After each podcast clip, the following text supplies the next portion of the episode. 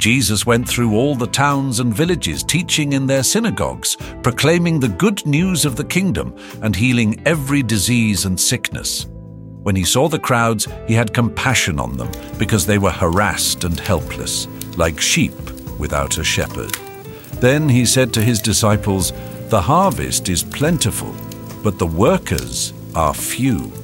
Ask the Lord of the harvest, therefore, to send out workers into his harvest field. Jesus called his twelve disciples to him and gave them authority to drive out impure spirits and to heal every disease and sickness. These are the names of the twelve apostles. First, Simon, who is called Peter, and his brother Andrew, James's son of Zebedee, and his brother John. Philip and Bartholomew, Thomas and Matthew the tax collector, James's son of Alphaeus and Thaddaeus, Simon the zealot, and Judas Iscariot, who betrayed him. These twelve Jesus sent out with the following instructions Do not go among the Gentiles or enter any town of the Samaritans. Go rather to the lost sheep of Israel.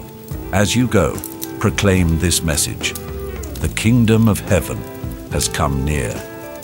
Heal the sick, raise the dead, cleanse those who have leprosy, drive out demons. Freely you have received, freely give.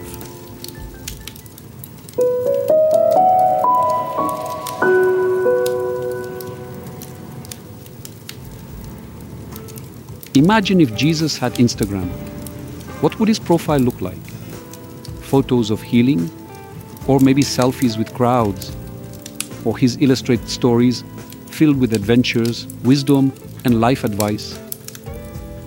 Yes, Jesus walked through cities and villages without a smartphone, but he had something much more powerful in his hands. His presence changed lives. And today, he calls us to be his living posts in a world of endless scrolling.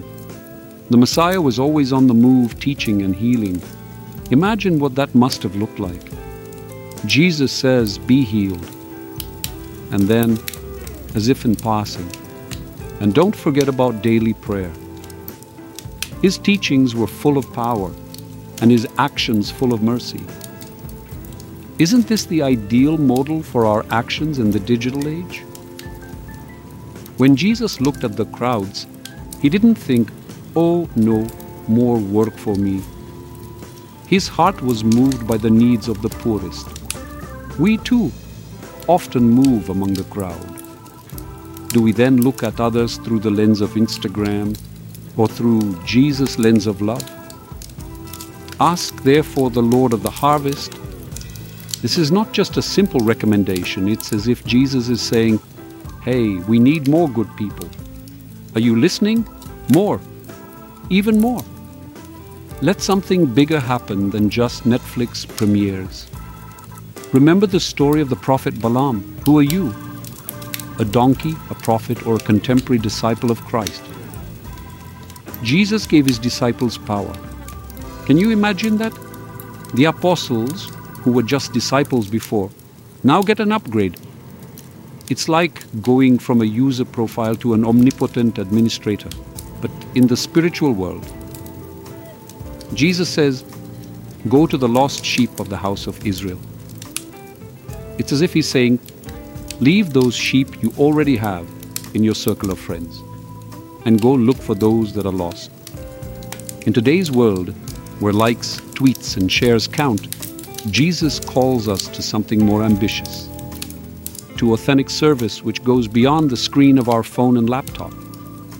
We are called to action to be His hands, feet, and mouth, to share His love, even if we don't get a like for it. Today, with a smile and joy, let's embrace our mission. Be like Jesus in the digital world, be true, living posts of His love. And remember, if Jesus had Instagram, He would surely like your actions. May God bless you and make straight all your paths and may your phone charge with evangelical impulses.